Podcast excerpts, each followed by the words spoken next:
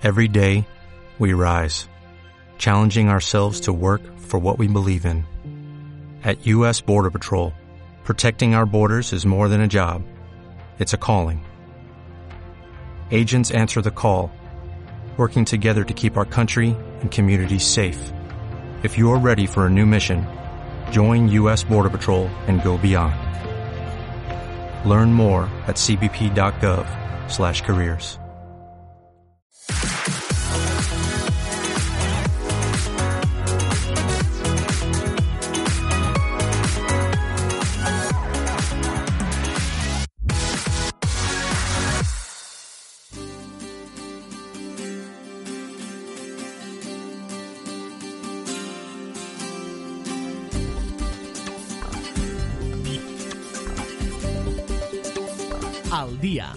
tertúlia. Què tal? Molt bona tarda. Benvinguts en aquest temps de ràdio i televisió a través de les emissores municipals de Tortosa, Amposta del Tebre, l'Ametlla de Mar, Santa Bàrbara i Mas d'Enverge en les càmeres en directe com a testimoni d'aquest temps d'actualitat del canal Terres de l'Ebre. En un dia en què la neu s'ha fet present a moltes comarques, al Baix Ebre, al Montsià, la Terra Alta, a la Ribera, veiem els ports plens de neu, veiem el Montsià nevat i, per suposat, localitats de la Terra Alta amb eh, neu als carrers i amb problemes de circulació en alguns llocs, fins i tot, doncs eh, avui no hi ha hagut eh, col·legi. Aquesta ona de fred, aquesta doncs, massa anomenada glòria que passa de manera doncs, eh, totalment visible a través dels nostres territoris i diuen que per aquesta nit de massa espera que entri doncs, la cua forta d'aquest temporal aquí a Catalunya per al que ja tothom s'està preparant. De moment, la pluja i el fred amb temperatures a hores d'ara de 4 graus són les que ens acompanyen en un dia en què ja saben hi ha un nom propi, que és el de Josep Lluís Trapero, el qual es presenta davant la justícia per respondre sobre tot el que va passar durant aquells dies del procés i que la tasca dels Mossos d'Esquadra es va posar en entredit. Avui també se'n continua parlant d'aquest PIN, el PIN parental. Els fills són propietat de l'Estat, són propietat dels pares, són, en definitiva, propietat eh, d'algú. Eh, adoctrinament a les aules n'hi ha, no n'hi ha, n'hi ha hagut sempre. En fi, aquests són alguns temes que ficarem damunt la taula, com també aquestes noves formacions polítiques. Ja saben que Movem ja s'ha instaurat al territori amb bons resultats de les passades eleccions municipals i ara doncs, una nova força política vol traure el nas, que és Som Terres de l'Ebre. I, per cert, també parlem del ministre de Consum, Alberto Garzón, que després d'haver fet seu el cavall de batalla per derrogar la reforma laboral, ara hi posa matisos, eh? També hi posa matisos eh, Antonio Garamendi, que és el president de la COE, que diu recordeu que els empresaris som els que creem llocs de feina. En fi, d'aquests temes en parlarem avui amb uh, Andreu Curto. Què tal, Andreu? Com estàs? Eh, benvingut. Bon dia, moltes gràcies. També ens acompanya José Luis Aparicio. José Luis, bona tarda. Bona tarda. Ets, ets un home valent, eh? Ets un home sí, valent, sí, s'ha de reconèixer. Sí. Per estar avui aquí, eh, després de la que està caent, has trobat problemes a la carretera venint de Ribarroja? No, porque me he enterado aquí en Tortosa, iba a pasar por Gandesa, que suelo hacerlo, uh -huh. y esta vez me he venido por la parte de, de Mora, digamos, de Rasquera, de Mora, sí. y he acertado, porque he visto, tomándome el café, he visto la nevada en Gandesa. Pues sí, si no s'hagués tingut que portar els esquís avui. Sí, sí, quasi. I també ens acompanya Marc Marc. Què tal, Marc? Com estàs? Bona tarda. Hola, què tal? Bona tarda.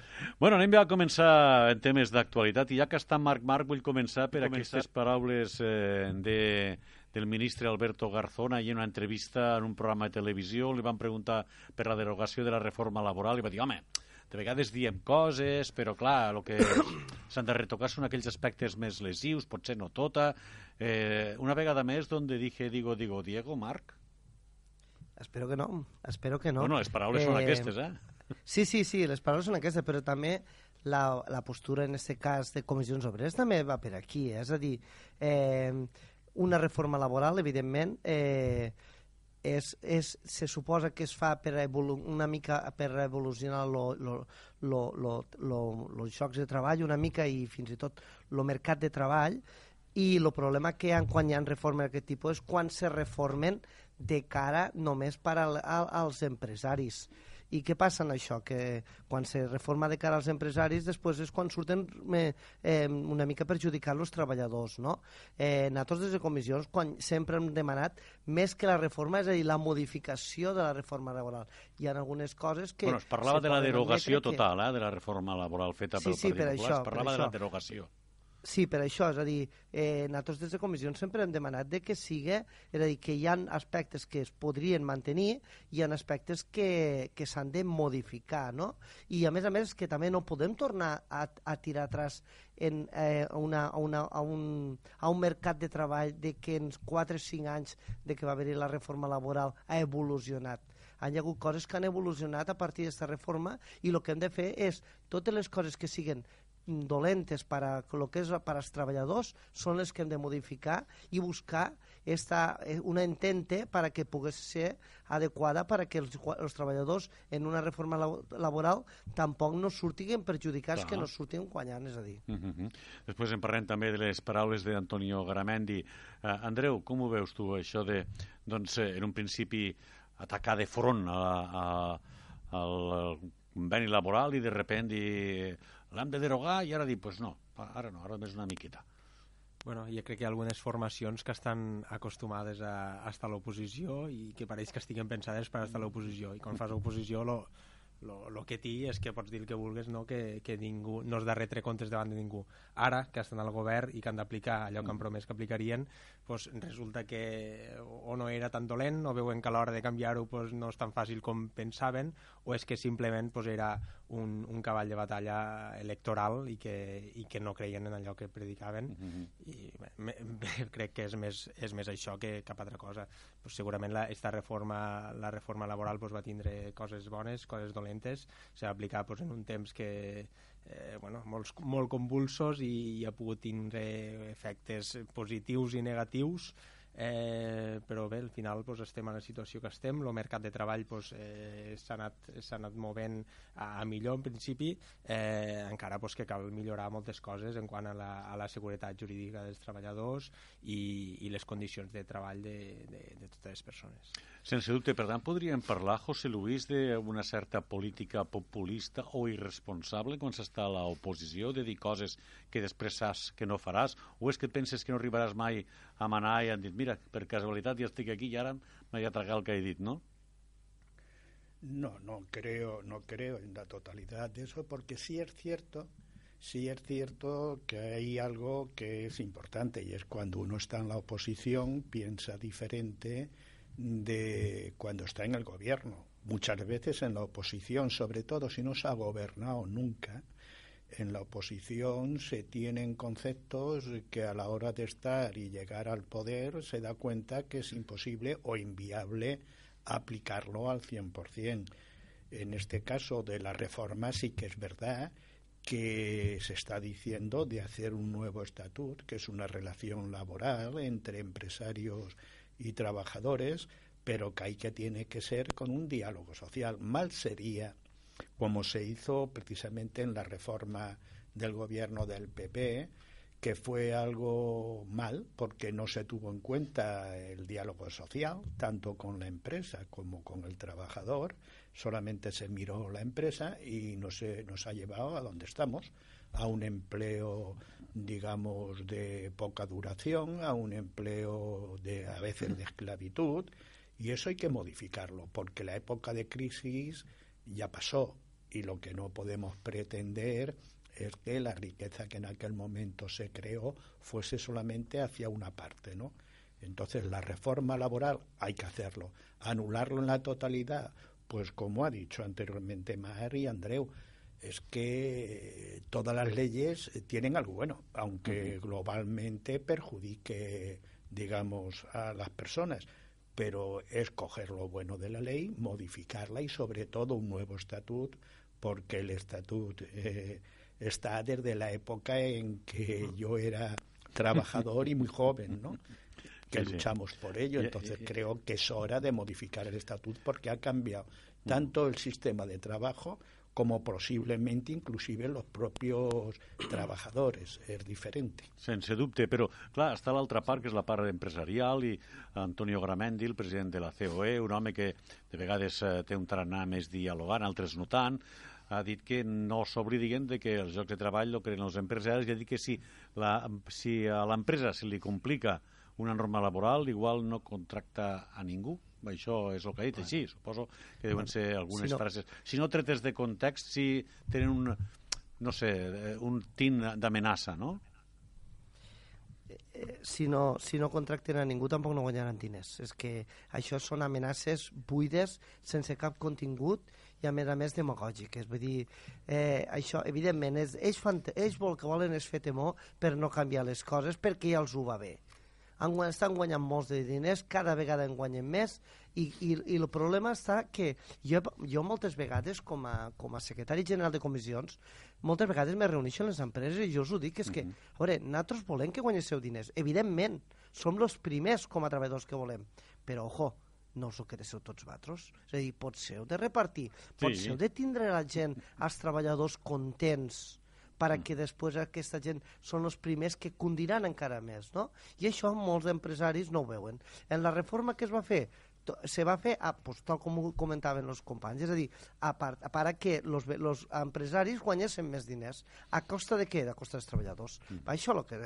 Jo les trobo molt buides de contingut perquè realment són amenaces per a que la gent s'acollonisque, però realment saben que no és veritat això. Sí, sí, suposo que donaran més dirigides a Unides Podemos perquè ell assegurava que el president del govern li va trucar, li va dir no et preocupes, deixa'ls que diguen que ja ho arreglem de la millor manera. En fi, suposo que deuen anar dirigit cap aquí. Uh, Andreu. No, bueno, són les paraules pues, que evidentment en un context de canvi que no sabem ben bé cap a on anirà en aquest cas pues, la, la, la legislació en, en quant a, al, a, a tot el tema laboral pues, bueno, cadascú se va posicionant, cadascú fa servir les seues eines, però al final pues, és, és veritat el que deia eh, Marc també, que al final l'ecosistema eh, és l'empresa, el treballador, eh, formen part d'un mateix ecosistema i per tant un en l'altre han, de, han de retroalimentar-se i per tant el treballador no, no fa res sense una empresa que, que li paga el sou i l'empresa sense uns treballadors en unes condicions de treball dignes uh -huh. i, en una, i en una formació i en unes condicions pues, que li permeten realitzar la seva feina pues, tampoc no, no, no progressarà per tant eh, cal sempre buscar l'equilibri aquí pues, és important que tant els sindicats com la patronal se posin d'acord per a buscar pues, este, este equilibri entre, entre un sector i l'altre i que el govern en aquest cas pues, també medie per a, per a que així sigui. Sí, sí, aquesta paraula, no, José Luis, la paraula equilibri, que sempre és la que s'ha de posar damunt la taula a l'hora en què hi ha dos col·lectius tan importants com l'empresari i el, el treballador eh, en un conflicte com és eh, aquesta reforma laboral en alguns aspectes. Sí, bueno, es que precisamente lo que se rompió durante la crisis es ese equilibrio, ¿no? El equilibrio que debe mantener un diálogo social continuo entre empresas y trabajadores y que el gobierno pueda plasmar lo que ellos lleguen a un acuerdo. Porque si ellos llegan a un acuerdo, eh, aquello que decimos de paz social, de estar contentos trabajadores y empresarios, pues siempre existirá, porque es un acuerdo entre ellos y luego el gobierno plasmar aquello que en el, próximo, en el propio Congreso se legisle, ¿no?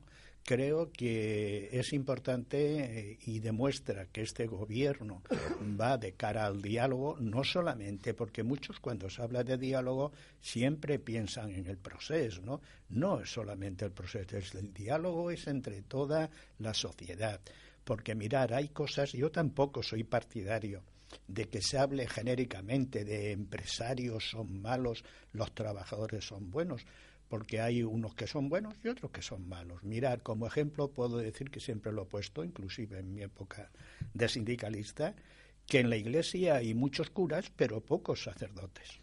Pues eso es lo que pasa. Hay muchos empresarios, pero realmente hay pocos buenos, pero los hay los hay y son los que desean precisamente ese diálogo social que se ha perdido y que alguna una herramienta muy importante y que en su momento de firma tiene rango de ley eran los convenios colectivos y eso se le ha retirado a los trabajadores. Bueno, pues la única herramienta en la cual el empresario y el trabajador pueden llegar a acuerdos con todas las necesidades cumplidas de unos y de otros.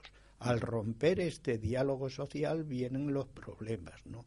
Y los empresarios, como bien dice en este caso Andreu, de que ellos siempre amenazarán, lo mismo que dice Mar, pues creo que que precisamente esa es la función. El empresario amenazará con una cosa y los trabajadores tienen la herramienta, la huelga, el paro. O sea, eso es el diálogo social. Cada uno pone la presión necesaria para llegar a unos ¿eh? acuerdos en los cuales todos renuncian. El problema muchas veces es que los con, el control d'estos macro d'estos macroacords en, ho fan, sobretot a la part dels empresaris, per uns quants, és a dir, són grans empreses que ja els ho van bé, totes molts, molts dels acords que s'han arribat en aquest cas, i les petites empreses, tal com tu comentaves, és a dir, hi ha molts bons, molt bons empresaris que realment se preocupen per seus treballadors. Molt, molt sovint aquests eh, bons empresaris no són de grans empreses, sinó de més mitjanes o petites empreses que no tenen accés tampoc a, a, al diàleg social perquè ja les, ho copen les grans empreses, no? Mhm. -huh. Jo crec que un dels problemes està aquí, no? Aquesta incapacitat de, com deies tu, les pimes entren en el diàleg social que, com molt bé dius, doncs acaben a, eh, doncs acaparant uh, la, la, els empresaris de, sí, que estan sí. a la COE, els, els empresaris més grans. Escolteu, un nom de, del dia. Uh, Josep Lluís Trapero, la Fiscalia s'obre a revisar el cas de rebel·lió, possiblement també s'aniria cap a la sedició, o ja veurem què és el que passarà. Ell no, no es cansa de dir que en cap moment va col·laborar amb els independentistes, amb els secessionistes, en aquesta oca, eh, així com els anomenen, i que va intentar en tot moment ajudar a la Guàrdia Civil. Com ho veu, eh, José Luis? Bueno, esto lo veo como lo he visto siempre y me conoces ¿Y cómo lo, la ¿y cómo lo has visto yo. siempre?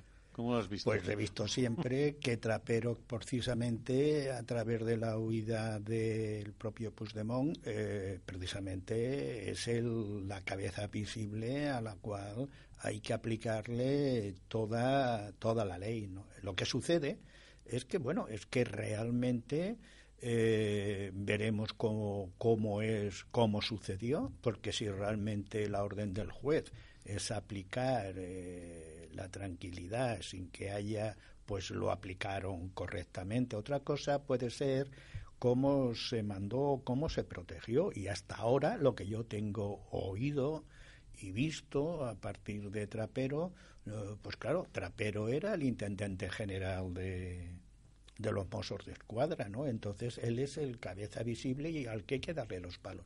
Pero entiendo que este es de los juicios que a pesar de que empiece tan fuerte será el que quede más difuminado cuando se vaya demostrando que en este caso los mozos obedecieron una orden de, del propio juez y que posiblemente en este caso la Guardia Civil y los antidisturbios de la Policía Nacional posiblemente obedecieron la orden del que en su momento era ministro de Interior, ¿no? Una persona que eh, podía estar perfectamente en Vox por su ideología. Por eso creo que es el juicio que puede aclarar muchos de los conceptos en los cuales mm, eh, se está acusando al resto, ¿no? Porque yo siempre dije que, conoces que lo he dicho muchas veces, que la prisión preventiva era innecesaria, era como ejemplarizante, ¿no? Era como poner, y lo que han hecho ha sido crear mm, mártires, con lo mm. cual han movido más el movimiento independentista. Pero creo que Trapero va a fijar, por además será un juicio no muy largo, porque son conceptos muy definidos, ya lo tienen mucho tiempo estudiado.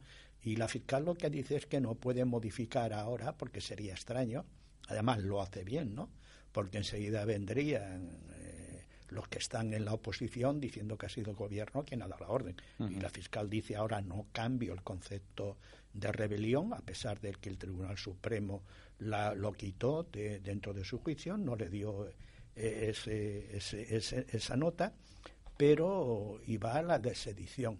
Y vuelvo a repetir, yo ni vi rebelión ni vi sedición. Por lo tanto, creo que muchas veces hay que eso hay que tenerlo en cuenta, porque por esa regla de tres o he oído no sé en qué emisora, he oído lo de Murcia, ¿no? ¿Es aplicable el 155 si no se modifica lo del PIN parental? Després ne parlarem del PIN parental, que també porta cua, això.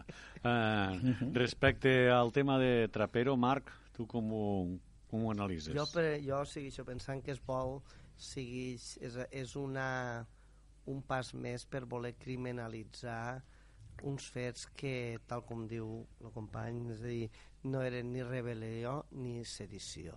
Vull dir, avui mateix, anant en el cotxe, estava sentint una mica lo, la declaració i el fiscal li dia, bueno, i vosaltres per què no vau protegir eh, d'una manera més, més dràstica o més, o més radical la, la, un cotxe que estava ple d'armes?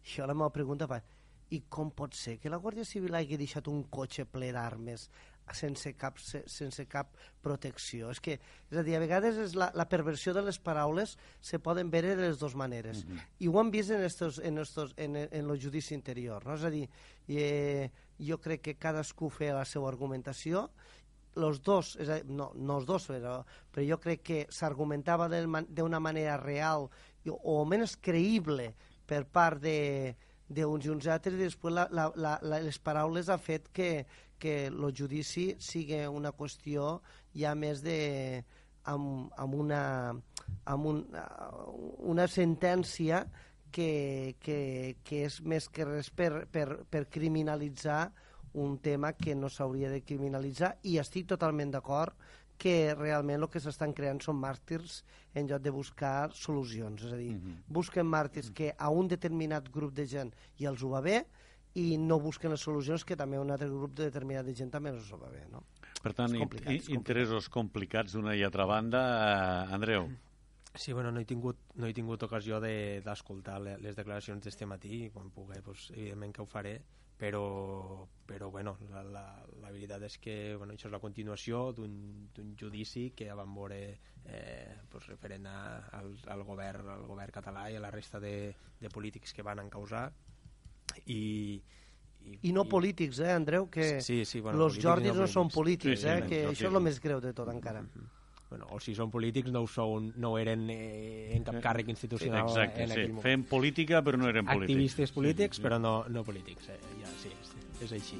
Eh, en fi, el que es busca pues, és un alliçonar, no? I ells pues, necessiten este, este cap del, del que diuen que era com a l'exèrcit eh, que Puigdemont i el seu govern tenien per a, per a dur a terme la independència i s'han fixat en Trapero perquè és, és l'única opció, però crec que el que està clar és que els Mossos és l'única policia que en aquell, en, en aquell cas va actuar com era degut, que era complint les ordres eh, que se'ls va donar des de, des de la Fiscalia, però alhora mantindre la pau social, que és la principal funció de la policia. Molt bé, doncs fem la, la pausa corresponent, eh, com sempre, en aquest programa, i després tornem amb més temes eh, d'actualitat i a donar la paraula als nostres convidats eh, d'avui. Fins ara.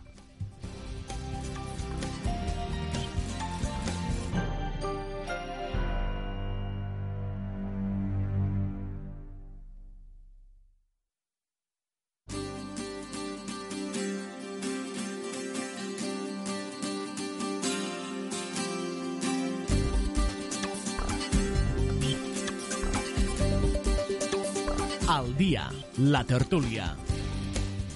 Doncs són dos quarts de quatre de la tarda, aquí diem les tres i mitja, ens aclarim eh, millor, doncs les tres i mitja de la tarda, ens queden per davant 25 minuts de programa per parlar d'altres temes que marquen l'actualitat del dia d'avui a través de les emissores municipals de Tortosa, d'Amposta, de Deltebre, de la Mella de Mar, de Santa Bàrbara i de Mas d'Enverge, i amb les càmeres en directe de Canal Terres de l'Ebre Televisió estem parlant de l'actualitat amb Andreu Curto, amb José Luis Aparicio, i amb Marc Marc. I anem a parlar del PIN, eh? PIN parental. PIN i pont. PIN i pont, o pont i quita, quita i pont. Hem de saber el que és, eh? Perquè, clar, les paraules PIN què signifiquen? Pin, eh? Jo no sé dir la veritat, no ho sé exactament. És, és com la... el pin parental. Sí. És que no sé la insígnia, si... no?, que els poses... El pla sí, sí. dels nens o què és un PIN? Perquè, clar, José Luis, tu saps què és un PIN? Bueno, a part de lo que Sí. es fica a les camises o a les camisetes, que per cert, eh, los, de- los de Podemos lo porten tots els dies, eh? aquest eh, dels represaliats nazis. Eh, què, què és lo PIN parental? Per què es diu PIN? Bueno, porque ha sido un adjetivo que le han puesto por no ponerle otro. Es el ping o que se le pone a los gozos, No? Marc li ha ficat pont, però... Per posar-li una cosa, una... Sí, jo crec que això... eh, Li han buscat alguna cosa per a parlar-ne, no? Sí, no, y para que Ah. tenga un sonido fácil de, de coger. Entonces ya se empezará a hablar mucho del pin, aunque después el parental se olvide, ¿no? Sí, sí, Pero sí, el, fin, sí. el pin se mantiene. Esto está hecho por, por un buen publicista, ¿no? La idea de darlo y dentro de, de Vox, pues los tienen muy buenos, aunque sean reaccionarios, pero los tienen muy buenos y saben dar a la sociedad a que se dirigen, sab- saben darle el mensaje que necesitan en un- unas frases muy concretas. ¿no? Molt bé, doncs eh, el diccionari diu que PIN vol dir indumentaria y moda, pequeño broche de metal en general publicitario que se pone en la ropa. O sigui que... Bueno, doncs ja em diràs tu què té que veure això Així en mos- pin parental. És a així dir, mos que. És Bueno, allò que... però anem a- bueno, és lo- una mica el que diu també. Igual és que volen estigmatitzar i marcar la gent, no? És a Sí, dir, sí, sí. si segons quin tipus de pin portes, doncs ja, ja també a, Sí, als sí. crios, és a dir, estan allisonant els crios mateixos, no? És Molt a bé. dir, I aquesta és una, fer, no? acabes una, una paraula que és important, és important, perquè l'educació, de vegades, eh, ho passem per alt, però és un dels valors fonamentals de la societat. I tots i tots acaben allisonant. Estem eh, introduïts en una mena, bueno, des de fa molts anys ja, des de que jo recorde, en una educació com a instrument manipulador, l'educació com a instrument allisonador ideològic, és a dir, fa por això, eh? Perquè per una banda i per l'altra fa por això de que anem introduint coses a l'ensenyament per allisonar més que per ensenyar. I això bueno. és el que fa por, almenys Jo vist, de, que- vist des de fora, eh? Mira, jo sóc docent, és a dir, jo sóc professor Uh -huh.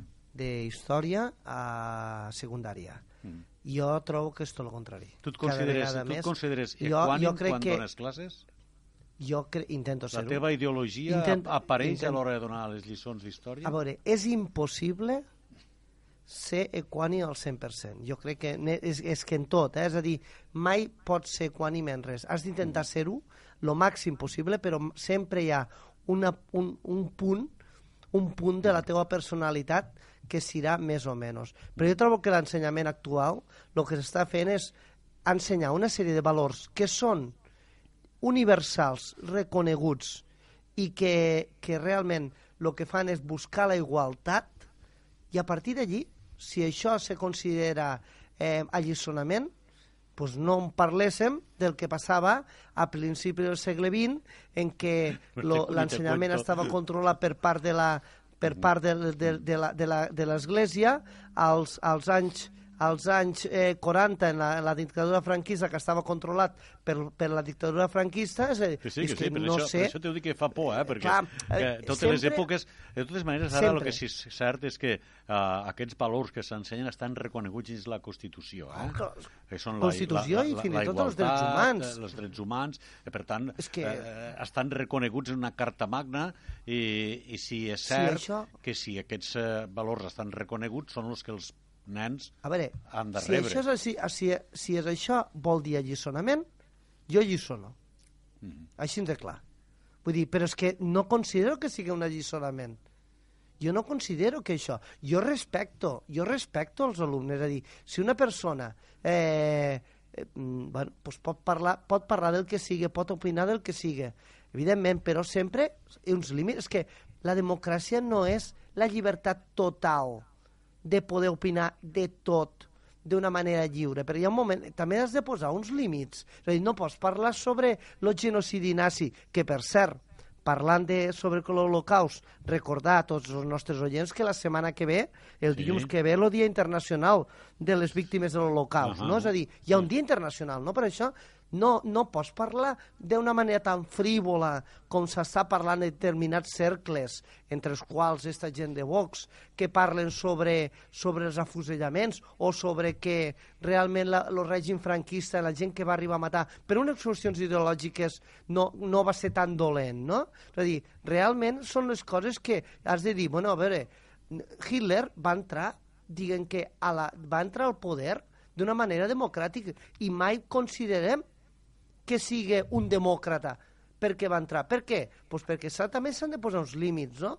Mm. I, I aquesta gent ara, en l'excusa de la democràcia, aquesta gent que són, estan a favor de Franco, que era una dictadura, diuen que, que com són demòcrates poden dir el que volen i poden fer el que volen, i no és això tampoc. En tots els Perdoneu, aspectes. però sí, sí, és sí. que no, és- no, no, no, i a és més, tu, indignant, no, com, com a docent ho sentes, coses. ho sentes i ho transmitixes de tota manera. Eh, clar, en queda la responsabilitat dels pares respecte a l'educació dels seus Sempre. fills. Aquesta, aquesta, sense dubte, és una educació, diuen, curricular, una educació doncs, que són d'assignatures avaluables, però eh, jo el que tenia entès era que eh, el pare pot decidir si va o no va, són a les, eh, diguem o les no curriculars, a bueno, aquí si no cal que vagi el pare pot decidir si va o no va, però les que són curriculars i avaluables jo crec que, que hi té que anar, Mm, tant si li agrada al pare eh, com si no, José Luis.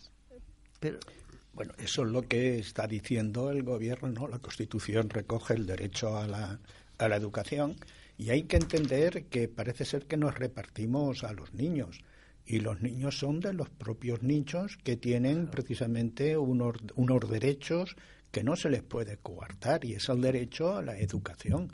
Y porque unos padres tengan una ideología concreta o una postura concreta con el resto de la sociedad no tiene por qué induir al niño a, a coger su propia ideología, sino que el niño debe educarse a sí mismo y posteriormente elegir él libremente qué quiere hacer. Nos Bueno, això serà quan, quan pot elegir. Hi ha una època de la seva vida que els nens difícilment poden No, no, elegir. pero lo que estoy diciendo que al niño no se le puede inducir, ¿no?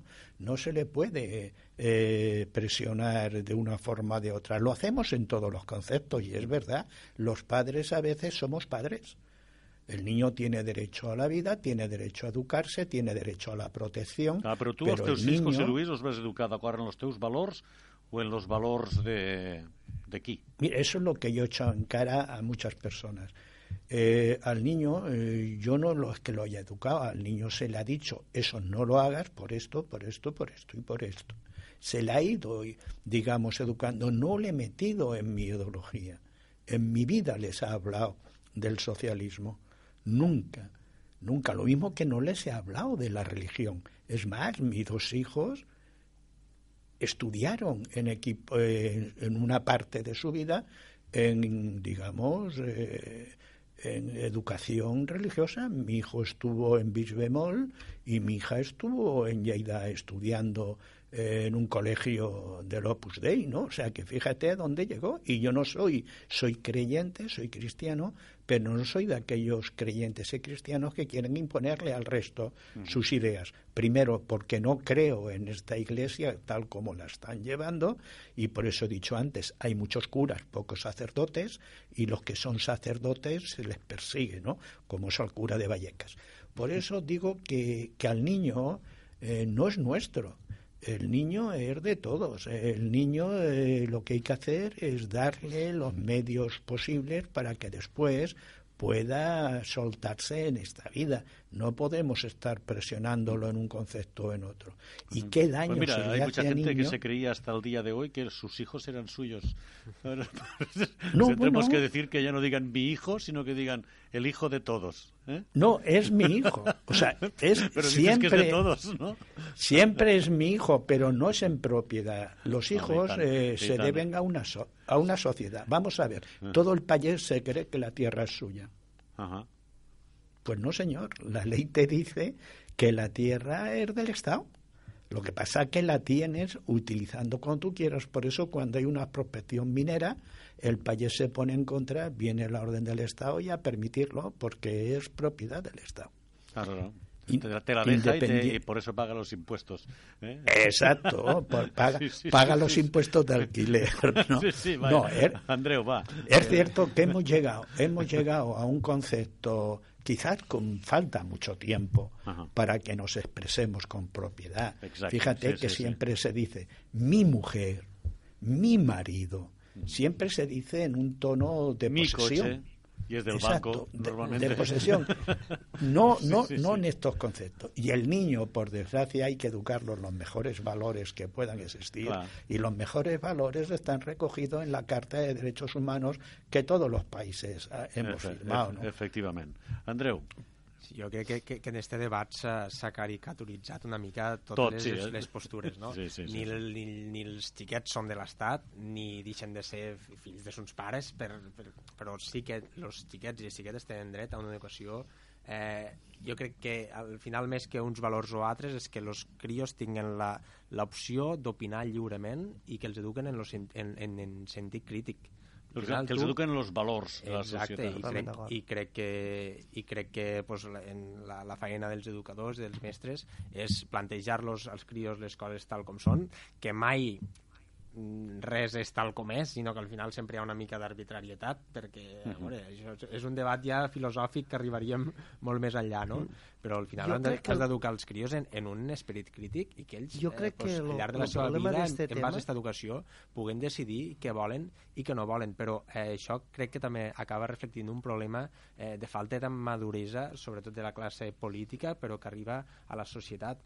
No és possible que tinguéssim quasi tantes eh, lleis eh, d'educació com governs com en, governs. en, en, per en això este t'ho país. dic, que és curiós. Eh? Per tant, eh, altres països este debat lo tenen superat. Eh, per l'Alemanya, Suècia, en què fan educació sexual des dels anys 50. Uh -huh. Però això és el que, al final, eh, tu vols que quan un xiquet o una xiqueta arriben a l'adolescència pues, sàpiguen que han de fer servir un preservatiu. I això... Eh, vaja, jo crec és que, que... és que crec que és de, és de no, cajón, que cau pel no? seu pes, eh? cau, eh, cau pel seu pes. El que passa que, com tu deies, i ara parlarà Marc, és curiós que des de que es va instaurar la, la democràcia, pràcticament a cada govern s'ha fet una nova llei de l'educació. Eh? Clar. Això, clar, sí, però te fa jo crec que aixecar problema... les orelles una mica, no? què està passant, no? Depèn qui mana jo, jo han de tenir un que tipus d'educació. En... Digues, digues. Jo el problema que veig, Manel, en això és que és un debat, tal com ha dit Andreu, este debat ja estava superat. Clar, és a dir, el problema que, que està fent Vox és debats que ja estaven superats, que socialment ja estaven admesos, que no hi havia cap problema, estan volent, volent tornar a, a incidir per una qüestió merament política, perquè és, és a dir, és que no... Ideologia, no, és ideologia. No, sí, sí. Ideològica, vull dir, ah, dius, sí, home, sí, sí, però aquest tema ja està superat, vull dir, és que to, parlar d'aquestes coses sobre l'homofòbia, parlar sobre sobre aquests temes, ja, ja, la gent està, ja ho té clar. Clar, perquè Vull hi ha, dir, no hi, ha, hi ha una problemes educació, aquí. hi ha una educació, un ensenyament, diguem-ho així, curricular, que després això se trufa de diferents aportacions que tens de la teva família, eh? Depenent dels valors de la teva família. I això ha sigut sempre així. Crec que l'important és... I és sempre serà així, és a dir, perquè tu, per molt que al col·legi t'ensenyen unes coses, a casa teua, depèn dels valors que tingues, les afegiràs en aquell bagatge del teu, del, dels teus estudis, això.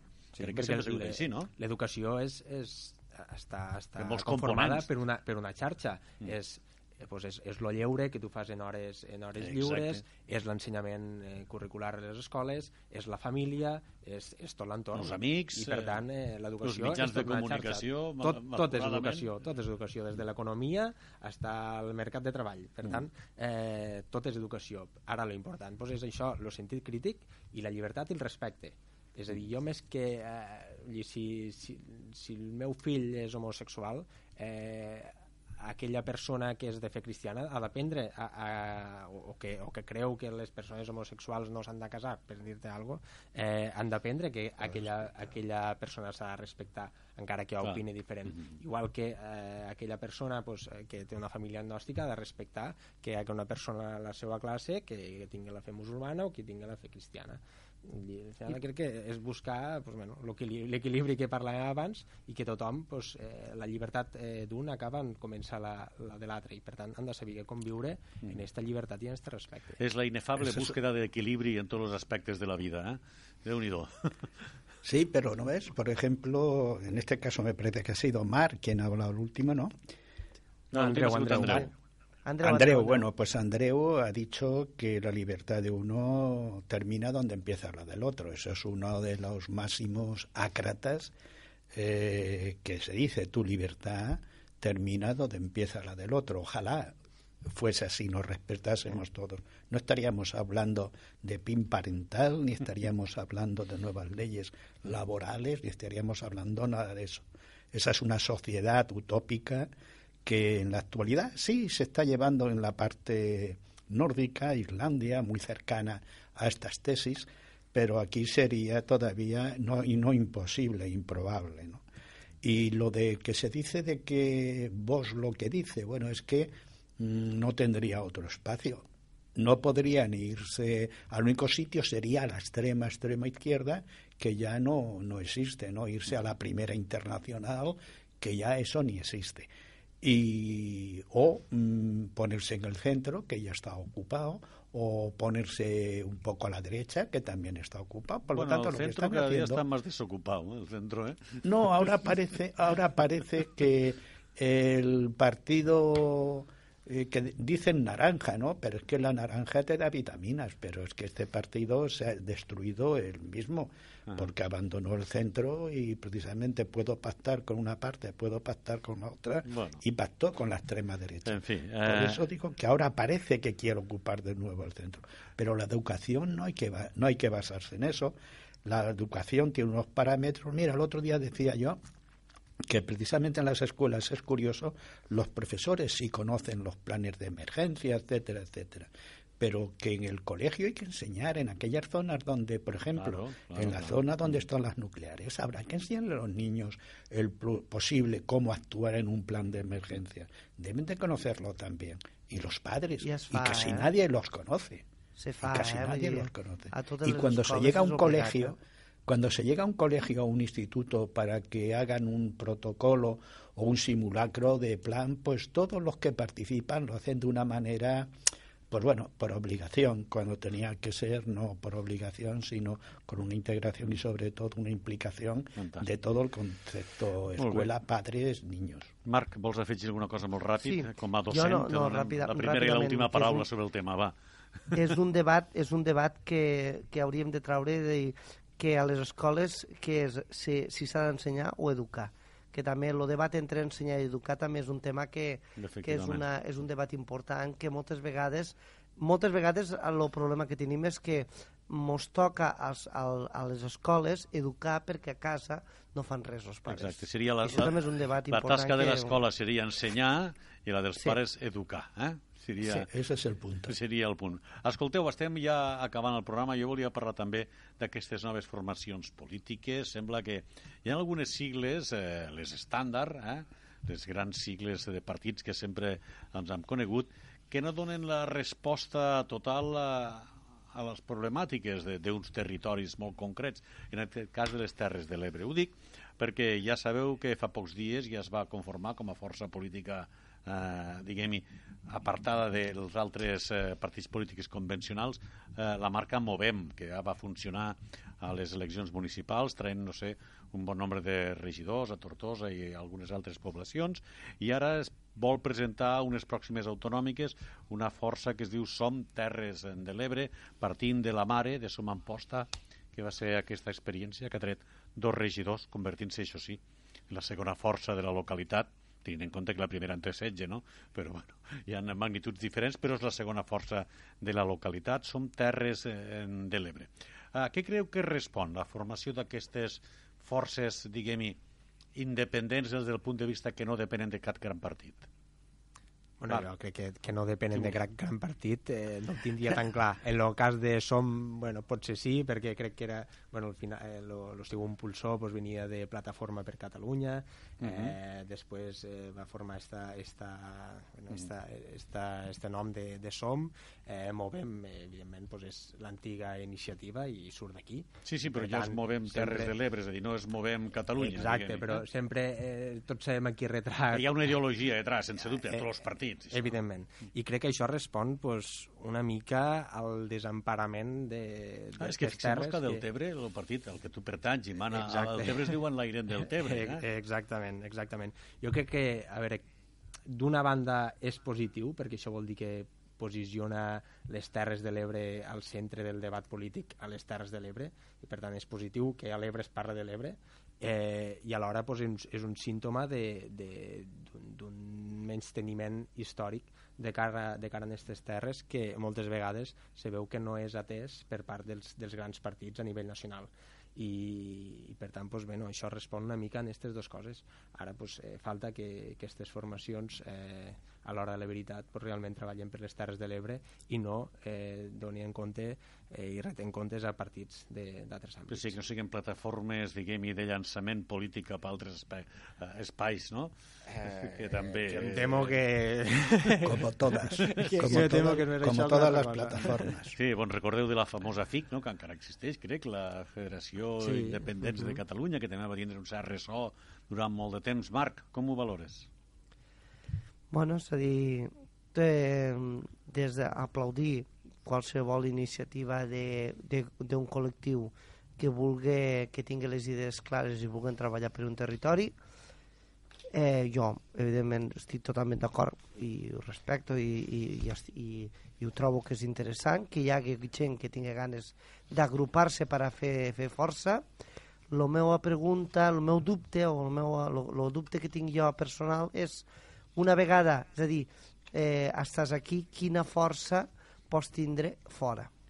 És a dir, no sé si m'acabo d'explicar, és a dir, realment podem tindre, és a dir, la força que es pot tindre aquí, després de força se pot eh, eh, dirigir bueno, para realment on se prenen les para, decisions. Para, para, para parlar... Para aconseguir alguna cosa sí. para que estes, eh, tot, tot el que és les reivindicacions se puguen, se puguen, vale. eh, se puguen aplicar uh -huh. aquí al territori, perquè aquí nosaltres no tenim la capacitat de conseguir res. En definitiva, el que vols dir és, i qui ens farà cas, no? Claro. ja, allò parlant cur, cur i ras, eh? és a dir, sí, aquí farem un partit polític, però quan voldrem eh, tirar endavant projectes de, que superaran el territori, qui ens farà cas? És això el que vols dir, no? Jo vull entendre que la plataforma esta no està per una qüestió de, de, de, de catapultar una persona, sinó catapultar idees.